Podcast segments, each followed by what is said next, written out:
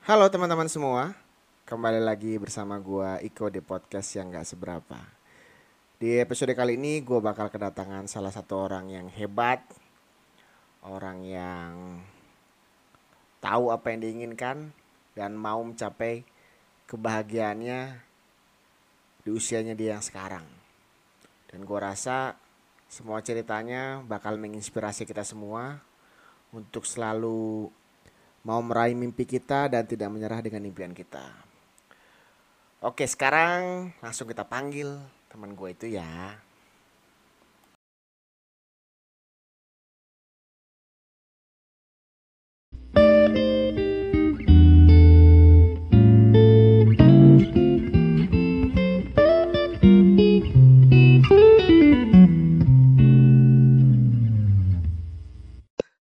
Jadi ini teman-teman yang dengerin podcast gua. Ini uh, namanya Alvina. Alvina ya? Alvina yes, ya? betul. Panggilannya Ya, Vina. Panggilannya Vina. Sebenarnya tetangga sih, tetangga di Blok C di Raffles. Kenalnya gara-gara anjingnya pacaran. Jadi Vina ini punya anjing samoyed dan gue punya anjing apa anjing golden nggak tahu kenapa tuh mereka berdua kamu kayak kayak apa ya kayak jatuh cinta gitu kayaknya mereka berdua kalau ketemu si, si apa namanya si Aska tuh nggak pernah ini kalau sama anjing anjing cewek yang lain nggak pernah kayak gitu ya Iya nggak pernah. Sebenarnya udah pernah dijodohin tuh sama-sama yang lain, tetangga juga. Cuman nggak suka dia. oh nggak mau dianya Nggak mau, nggak mau. Akhirnya eh iya konsepnya jalan sore pagi, maunya kalau lewatin gang blok C yang itu maunya langsung ke rumahnya Keiko. oh jangan ini ya aku lihat di Instagram ya kayak di Instagram ada kayak anjing samoyed satu lagi pernah di videoin deh di Instagramnya si Aska Iya benar, ya itu mochi. ya Molly Mochi ya Mochi Mochi, oh iya. Gue kira si Aska punya teman satu lagi di rumah, punya dua gitu. Oh enggak, ada satu lagi cukup. Iya sama Keko juga kalau kalau ketemu kayak ada Momo kan tuh di gang itu biasa aja dia lewat Iya, aja gitu. Ketemu kayaknya heboh bener udah kayak nggak pernah ketemu berapa hari gitu kayaknya. Iya, ampun deh. Oke, nah itu sekilas aja sih tadi. Nah jadi Vin kan hari ini kan kita mau ngebahas tentang ini ya apa sih kemarin kita sempat ngobrol eh, katanya kan waktu dulu kan lu kamu kan corporate ya maksudnya dulu kan kerja dari corporate ke usaha gitu kan sebenarnya Yes, betul. Jadi um, waktu lulus, um, oh ya gue backgroundnya sih lulus apa bisnis, uh, Bachelor of Commerce, terus ambil S2 di Master of Property. Sebenarnya background gue property. Jadi habis Hmm. lulus balik ke Jakarta, Hmm. um, sempat kerja dulu di perusahaan consulting selama uh, tiga tahun lebih. Terus uh, setahun setengah setelah itu juga corporate lagi di perusahaan um, property construction Hmm. dan baru mulai akhir tahun lalu itu start uh, untuk ngerambah ke dunia entrepreneurship gitu. Ah, berarti kan ah, itu keluarnya berarti before pandemic apa after pandemic In the middle of the pandemic actually. oh in the middle ya malah kan Iya, jadi tuh uh, di bulan kira-kira bulan Oktober November gitu sih decide untuk quit kerjaan Hmm. dan start uh, bisnis ini bareng uh, two of my good friends. Jadi kita bertiga gitu.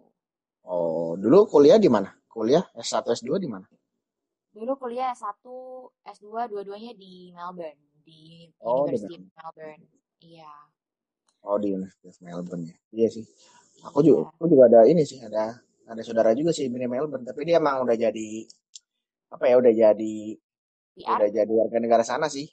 Oh, Karena oke. kebetulan karena kebetulan waktu itu dia kan emang kuliah juga kan di Melbourne waktu itu kan. Melbourne terus kebetulan ketemu sama jodohnya orang Melbourne gitu, ketemu orang sana kan. Heeh. Terus ab- abis itu dia kayak punya dua warga negara lah selama beberapa tahun. Hmm. Jadi dia kayaknya mungkin kerasan di sana terus ditawarin sama pemerintah di sana. Ditawarin buat kamu pilih jadi warga negara Indonesia apa warga negara Australia nih gitu kan. Cuman kalau jadi negara Indonesia nanti mungkin benefitnya nggak sebesar jadi warga negara Australia gitu kan. Nah udah Iya. akhirnya dia itu uh, jadi warga negara sana lah gitu. Karena emang udah tinggal di sana sih gitu. Hmm. Di sana di University of Melbourne nih. kenapa? University of Melbourne nih. Iya betul, University of Melbourne. Di sana gimana kuliah di kuliah di sana gimana maksudnya? Garis besarnya lebih en- maksudnya lebih enak kah apa secara budaya apa secara secara hmm, enak apa gimana? sebenarnya eh, Melbourne itu sebenarnya kota pelajar banget sih. Jadi Hmm. eh, kayak anggaplah Jakarta gitu di tengah kota dekat Monas di Sudirman.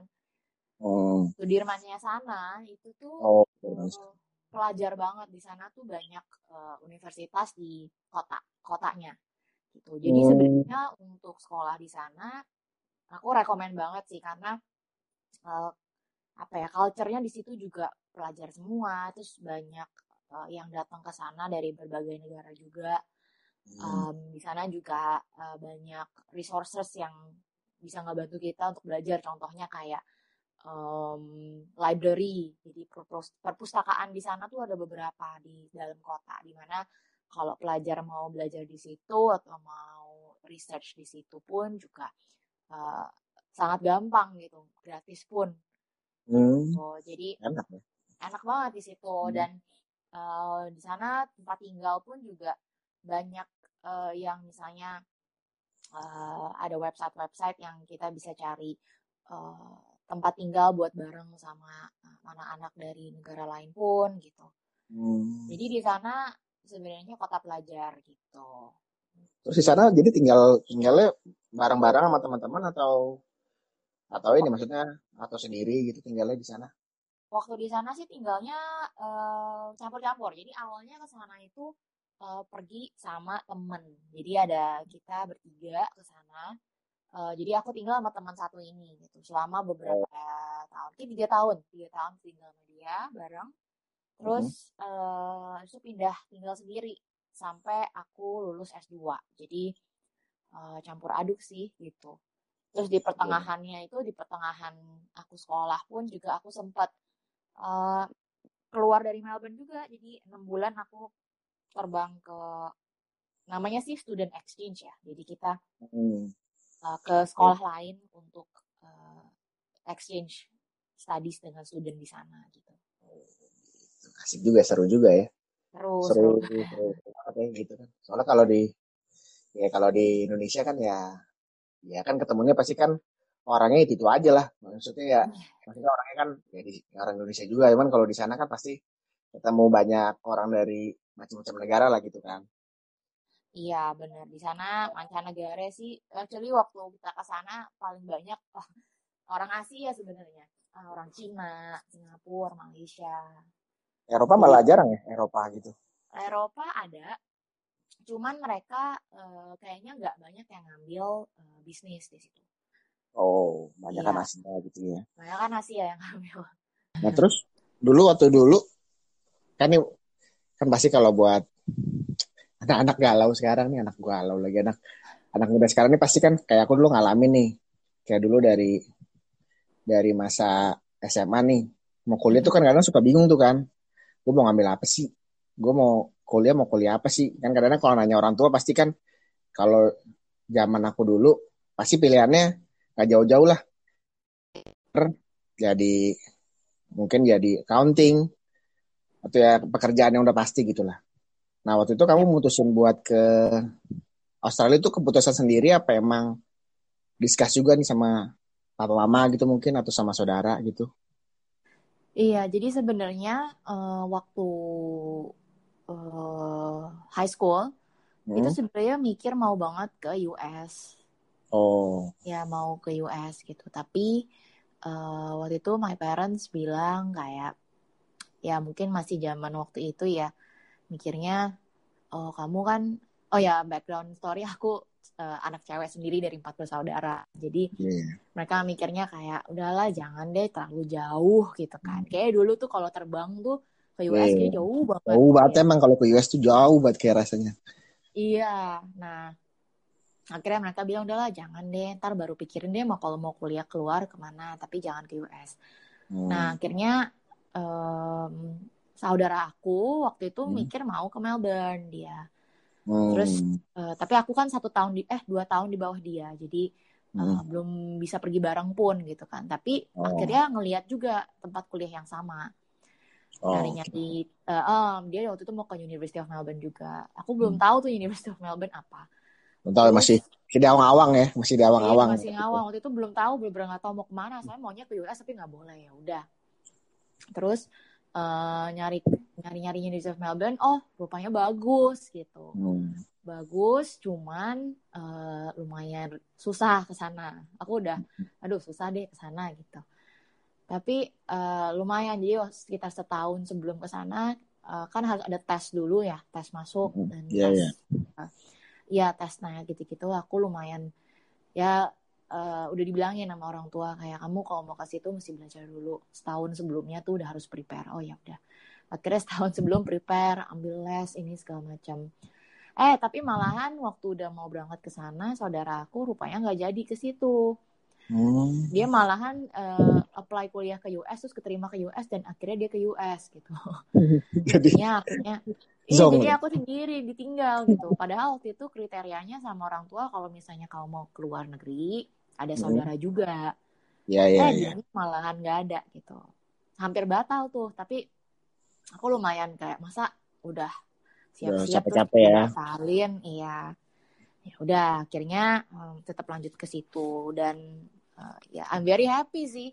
Untung ke Melbourne gitu, karena Melbourne itu kota yang menurut aku benar-benar untuk belajar dan eh, multicultural banget gitu Hmm. sebagai kota gitu. Udah jalan Tuhannya begitulah ya. Udah emang udah dikasih Iya. jalan. Iya. Kalau semesta sudah berkehendak pasti akan ada jalannya. Ah, gue ngomong apa sih siang-siang? Eh, siang bolong Oh, begini. Oh berarti, oh berarti kamu anak pertama apa anak apa apa anak keberapa dari empat bersaudara itu? Iya, anak pertama. Jadi aku punya adik tiga, cowok semua. Hmm. Eh, yes, jadi aku yang eh, kepala Pertama bos. anak anak cewek satu-satunya ya pasti ya orang tua pasti jagain banget lah gitu. Pasti ya dijaga Iya. banget lah ya. Jadi Iya. Ini kalau cewek sendiri di satu keluarga tuh biasanya kan adik-adiknya jagain gitu kan biasanya. Kayaknya sekarang lebih ke mereka nganggap aku kayak apa? Eh, cece galak gitu. Jaga laki ya. Ya nggak apa-apa kan sayang sama adiknya kan berarti. Iya, Berarti- demi kebaikan. Iya. Di sini dia. Ya, terus tadi sampai mana? Oh, berarti tadi sampai ya ya ini ya struggling juga lah ya. Berarti berarti kalau si berarti oh berarti kemarin adik kamu yang balik dari US itu ya berarti ya yang kemarin ya. Iya. Balik. Tuh adik keberapa tuh yang balik dari US tuh? Itu paling kecil. Oh, itu yang paling kecil malahan ya. Iya, itu badannya ya? paling gede. Oh, pantesan aku aku kira itu yang di bawah maksudnya aku pikir itu yang mungkin masih deketan sama kamu itu aku kira.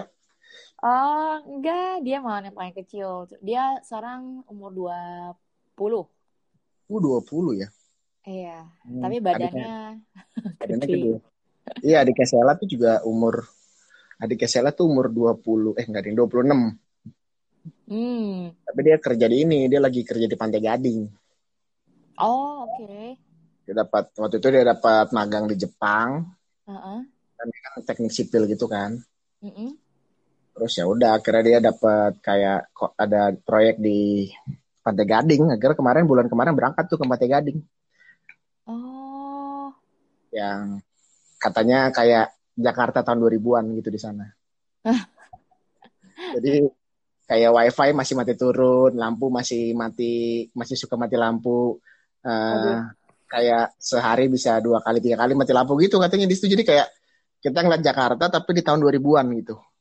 Ya ampun, berarti kayak bioskop atau restoran Iya. mungkin nggak ada kali ya. Iya bahasanya bahasa Perancis di sana katanya. Lebih banyak bahasa Perancis.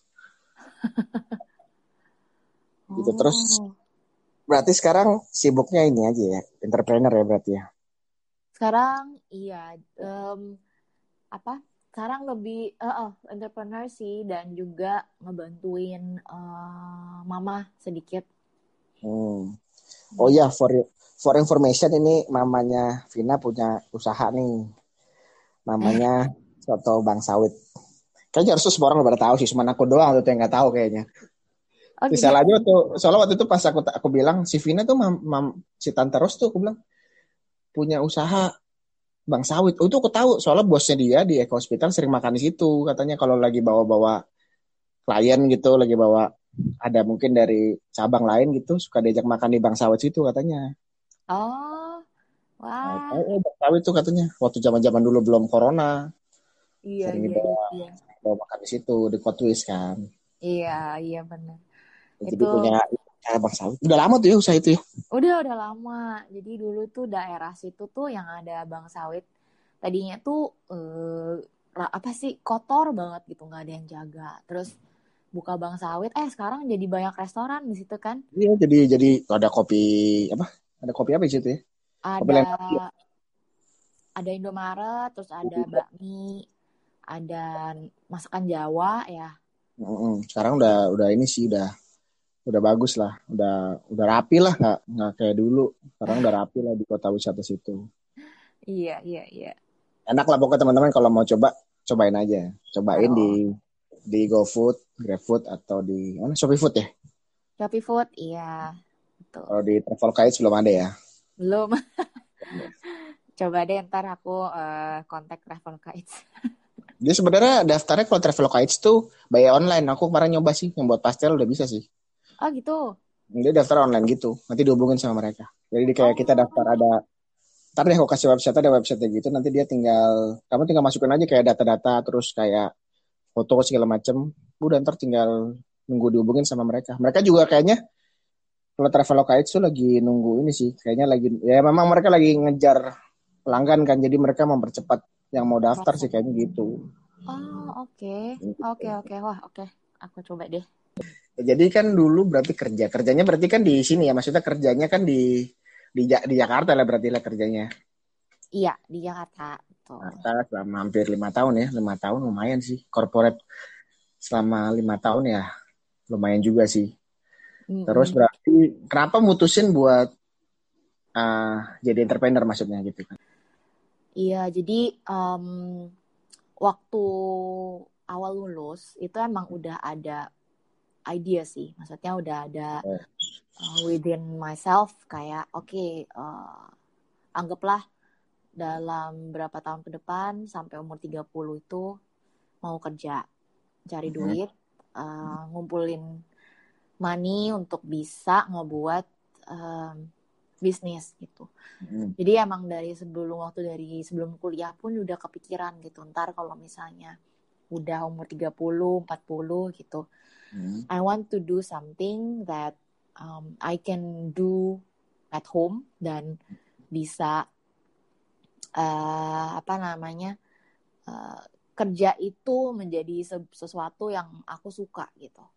Hmm. Anggaplah kayak setiap Senin itu kalau misalnya masuk itu excited gitu, nggak Iya. kayak aduh besok Senin Aduh, lagi. besok Senin nih, aduh masuk kantor lagi gitu kan. ya. Iya, heeh. Nah, dan mungkin emang juga dari orang tua kali ya. Jadi papaku, em, papaku kerja, kerja eh, di corporate sampai sekarang. Oh, sekarang masih Iya. corporate berarti? Sekarang masih corporate, iya. Hmm. Cuman dia selalu bilang kayak kalau misalnya em, Dedi punya eh, rejeki gitu ya waktu itu Hmm. waktu sebelum umur 30 untuk bisa memulai sesuatu dia Hmm. bakal gitu. Walaupun susah tapi dia bakal gitu. Karena dia ngerasa kalau dia corporate Hmm. sampai sekarang tuh capek dia bilang Iya, gitu. Kayak sih. dia mm-mm, dia mau lebih bisa enjoy waktu di rumah gitu. Sebenarnya karena pandemi ini jadi untung juga gitu. Maksudnya eh, silver liningnya adalah bisa kerja di rumah, lebih dekat sama keluarga, bisa makan di rumah gitu kan itu yang dia mau gitu terus aku kepikiran emang iya ya kayaknya enak juga gitu kalau misalnya kayak gitu gitu nah terus um, sebenarnya tuh um, apa waktu kepikiran kayak gitu oh ya gampang lah gitu. Kerja berapa tahun terus keluar terus bikin. Cuman rupanya nggak segampang itu juga gitu. Kemarin yeah. waktu uh, awal mulai kerja sampai akhirnya keluar maksudnya uh, duitnya udah kekumpul. Cuman uh, duitnya kekumpul itu sekarang uh, kepake habis buat buat bisnis gitu jadi mikir lagi gitu wow sebenarnya bisnis ini nggak segampang itu gitu. Kayak sekarang pakai duit kan bisnis itu bukan sekedar ngebuat bisnis terus jalan dan sukses gitu. Kayak ini masih ada risknya gitu. There's a risk that bisnis ini juga bisa jatuh atau ya mm -hmm. bisa bagus gitu. Hmm, ya, jadi ceritanya tuh ya uh, udah ada lah dari awal untuk memulai ini. Jadi punya ini ya, apa ya, kayak punya mimpi. Sebenarnya sebenarnya yang papa yang papa kamu apa ya, papa kamu tadi bilang itu itu yang aku ya. rasakan sekarang. jadi kenapa aku buat podcast ini karena sebenarnya kan sebenarnya aku dari aku jadi curhat nih. Enggak jadi hmm, kalau kalau itu kan juga kalau dulu kan sebenarnya aku tuh pengen banget jadi penyanyi kan. Hmm. Dulu sebenarnya dari dulu pengen banget. Cuman emang ada satu kondisi di mana ya biasalah kalau zaman dulu kan ya, dulu sempat udah sempat nyanyi-nyanyi di kafe segala macam udah sempat udah rutin gitu udah. Oh. Udah rutin cuman uh, waktu itu emang orang tua istilahnya agak kurang setuju lah gitu maksudnya kan. Uh-huh. Karena kan ya kerjaannya tuh pertama kesehatannya juga harus dijaga karena kalau main di kafe tuh uh, kalau buat penyanyi tuh mendingan main di mendingan main di ini sih, mendingan main di wedding daripada di kafe. Karena kalau di kafe itu kita bisa main dari jam 9 malam sampai jam 1 pagi. Belum godaannya, maksudnya godaan alkohol lah segala macem di kafe tuh berat banget gitu maksudnya. Iya. Ya kalau misalnya kita nggak nggak jaga-jaga diri banget tuh, ya bisa jatuh ya ya amit-amit bisa mungkin narkoba gitu kan kalau memang Betul. lagi parah-parah banget. Akhirnya mungkin kan ya karena karena aku ngerasa apa ya ngerasa ya udahlah mungkin orang tua gue bener kali ya udah aku ikutan aja. Aku berhenti itu aku berhenti aku, kerja kantoran juga sama kayak kamu corporate gitu kan. Uh-uh. cuman cuman waktu itu kan umurnya masih istilahnya aku mulai tuh dari SMA gitu. Aku mulai dari SMA ngebiayain hidup dari situ sendiri. Dari situ semua tuh dari SMA tuh aku bayar bayar sekolah semua dari situ. Dari oh. ngeband itu gitu. Ya itu kan akhirnya setelah lulus kuliah lulus kuliah baru ya itulah perdebatan lah sama orang tua kan. Papa mama nggak suka lah gini gini gini. Ya udah aku ikutin lah aku jadi korporat. Tapi setelah umur ada 25 26 gue nyesel juga ya kenapa dulu gue berhenti ya gitu ya. Nyesel hmm. gitu. Tapi buat balik ke sana lagi tuh bukan sesuatu yang gampang gitu. Karena trust orang udah beda gitu. Kalau tiba-tiba aku udah lama nggak main nggak nyanyi gitu buat ngeling ke koneksi-koneksi yang dulu tuh susah gitu. Iya. Akhirnya kenapa aku buat podcast ini karena ya itu sama tadi jadi kepikiran karena si papa ngomong gitu karena ya kalau udah umur segi 30, 31, apalagi kamu masih 28 kan. Hmm, ya harus 30. Buat, ya, harus buat sesuatu yang senang sih. Aku buat aku pikir ya buat podcast ini buat aku senang itu. Iya. Kayak I don't, gue nggak peduli nanti gimana nanti apakah nanti ini bisa menghasilkan atau enggak tapi ya aku percaya sih kalau usaha itu tidak akan mengkhianati hasil gitu pasti ntar ada hasil lah gitu tapi yang penting aku buat ini aja dulu gitu itu iya. sih mungkin yang maksudnya papa kamu gitu jadi buat aja sesuatu dulu gitu betul dia juga selalu bilang bikin aja dulu ntar mau itu berhasil atau enggak dipikirin karena along yeah. the way akan kamu oh pasti akan putar otak gitu untuk hmm. bisa uh, membangkitkan bisnis itu dia bilang ya oke okay iya. lah gitu ya bangun bisnis tuh susah sih. Nah maksudnya ya berat lah. Kayak si mama dulu juga bangun mama aku bangun pastel itu juga ya setengah mati dulu bangunnya. Dari awal di uh. istilahnya apa dimaki-maki orang lah gitu. Maksudnya di bilang ngapain sih buat buat begini gini gini? Gitu. Tapi ya gue bilang maju aja mah nggak apa-apa gitu. Orang kan bisa ngomong doang. Nanti uh -uh. kalau bisa, bisa berhasil kan ya orang juga ntar kedekat juga ke kita. Yang biasanya dibilang apa maksudnya yang nggak ya mungkin dulu dia nganggap kita saudara terus sekarang dia pasti nganggap saudara lah kalau kita udah berhasil gitu. Iya. Wah tuh pastelnya sekarang di rumah laku banget. Waduh makasih Beneran, banyak. mamiku. Ini udah tiga hari berturut-turut berarti. Masak lagi Vin masak masak. Nanti pasti pasti pesan lagi deh. Ntar aku pesan lagi. Udah habis? Udah. Habis. Udah habis? iyalah kalau di sini apalagi cowok ya. Kalau ada adik kamu cowok mah tiga mah gak ada gak ada ininya gak ada nggak ada ini cuman cuman nempel di lidah syukurlah kalau suka gitu Iya kulitnya enak katanya. Katanya jarang ada kulitnya tuh yang ini tuh kan kemarin kita lagi coba nggak terlalu goreng banyak goreng. Jadi kita oven kan. oh Enak, pakai enak. oven ya ini. Iya enak banget. enak ya kalau pakai oven ya berarti Enak, ya? enak. ya? Iya masih garing banget. oh Iya. itu Actually story-nya Mas Iko tentang Hmm. eh, nyanyi. Aku pun juga sebenarnya dulu tuh nyanyi. oh nyanyi nyanyi di mana Dulu tuh kalau dulu waktu zaman SMP SMA aku sering nyanyi di mall. oh yang ini ya kalau ada apa di tengah-tengah gitu ya di tengah-tengah gitu ya Iya. oh gitu Nah, maksudnya sendiri atau band atau gimana Band sama adik-adik. oh gitu ngeband sama adik-adik Iya, jadi mami tuh kayak manajer gitulah. oh gitu Iya. Keren. saudara semua lagi Iya, sama ada teman-teman juga sih, ada teman adek gitu juga. Cuman Hmm. um, similar story sih. Aku dulu sempat mikir mau bukan jadi penyanyi sih, tapi mau apa ya? Punya eh, in apa ya? Punya te- tekunin lah, tekunin nyanyi gitu. Hmm. Eh, mau jadi waktu di Melbourne pun juga aku suka kadang-kadang eh, kita dulu aku dulu punya band, punya bukan punya lah, diajak ngeband gitu. Jadi Hmm. kadang-kadang suka tampil di acara Indonesia atau apa gitu. Hmm. Ya, sekarang malah sekarang lagi stop, lagi stop. Hmm, nggak tahu nih kapan mau mau lanjutin lagi. posisinya apa posisi apa nyanyi main gitar main drum mau main apa Nyanyi nyanyi. oh nyanyi mantap suara bagus tuh Waduh enggak lah. Suka suka bukannya suka. Kita hmm, jadi waktu dari kecil emang udah pokoknya orang tua aku pokoknya bilang kayak kita kalau smart eh, kerjaan aja mungkin kurang seru dia bilang mungkin. Jadi mereka mau kita bisa sesuatu yang lain gitu. Walaupun misalnya kita nggak menjadi penyanyi gitu atau olahragawan atau apa gitu. Cuman at least kalau kita kerja Hmm. kita bisa nih kalau ada acara kantor bisa jadi eh, yang seru di situ gitu katanya Hmm. Tapi dulu aku punya ini sih, aku punya kejadian cukup mengharukan sih maksudnya. Dulu waktu zaman Oh. aku nyanyi ya, eh gak tuh sih kadang kadang-kadang tuh, kadang-kadang banyak hal yang kita kira itu nggak ada artinya, tapi ternyata berarti buat orang lain. Jadi waktu itu aku lagi nyanyi di acara gitu, di kayak event gitu, Mm-mm. di ngeband nih.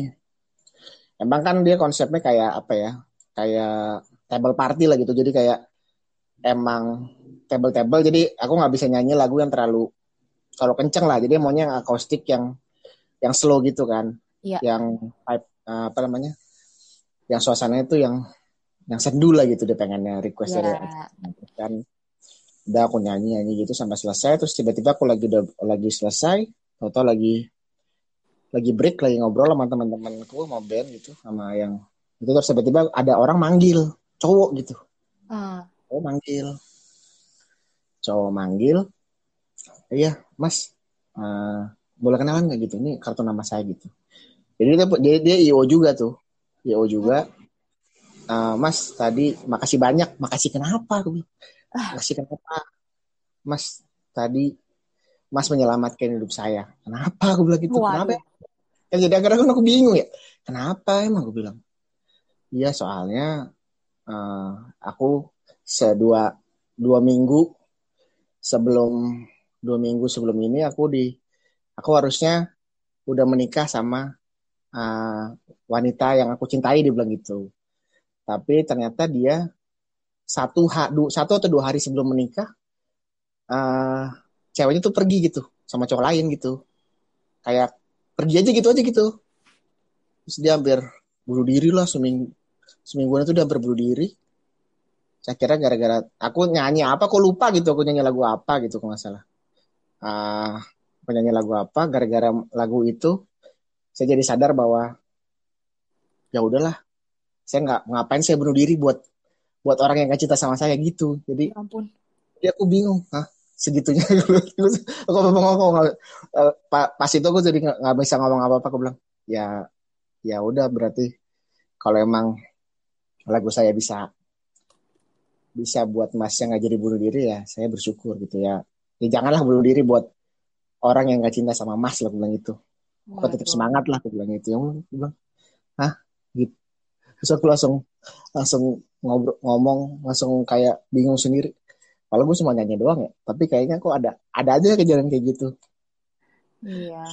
Aduh, itu once itu akan diingat seumur hidup itu. Iya makanya aku selalu selalu selalu ingat gitu, selalu selalu ingat kejadian itu tuh.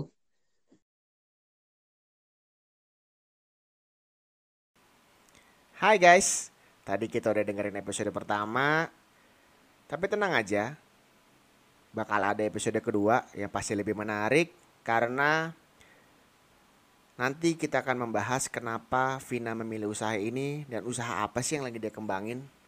So, siapkan kopi kalian, siapkan makanan kalian, enjoy!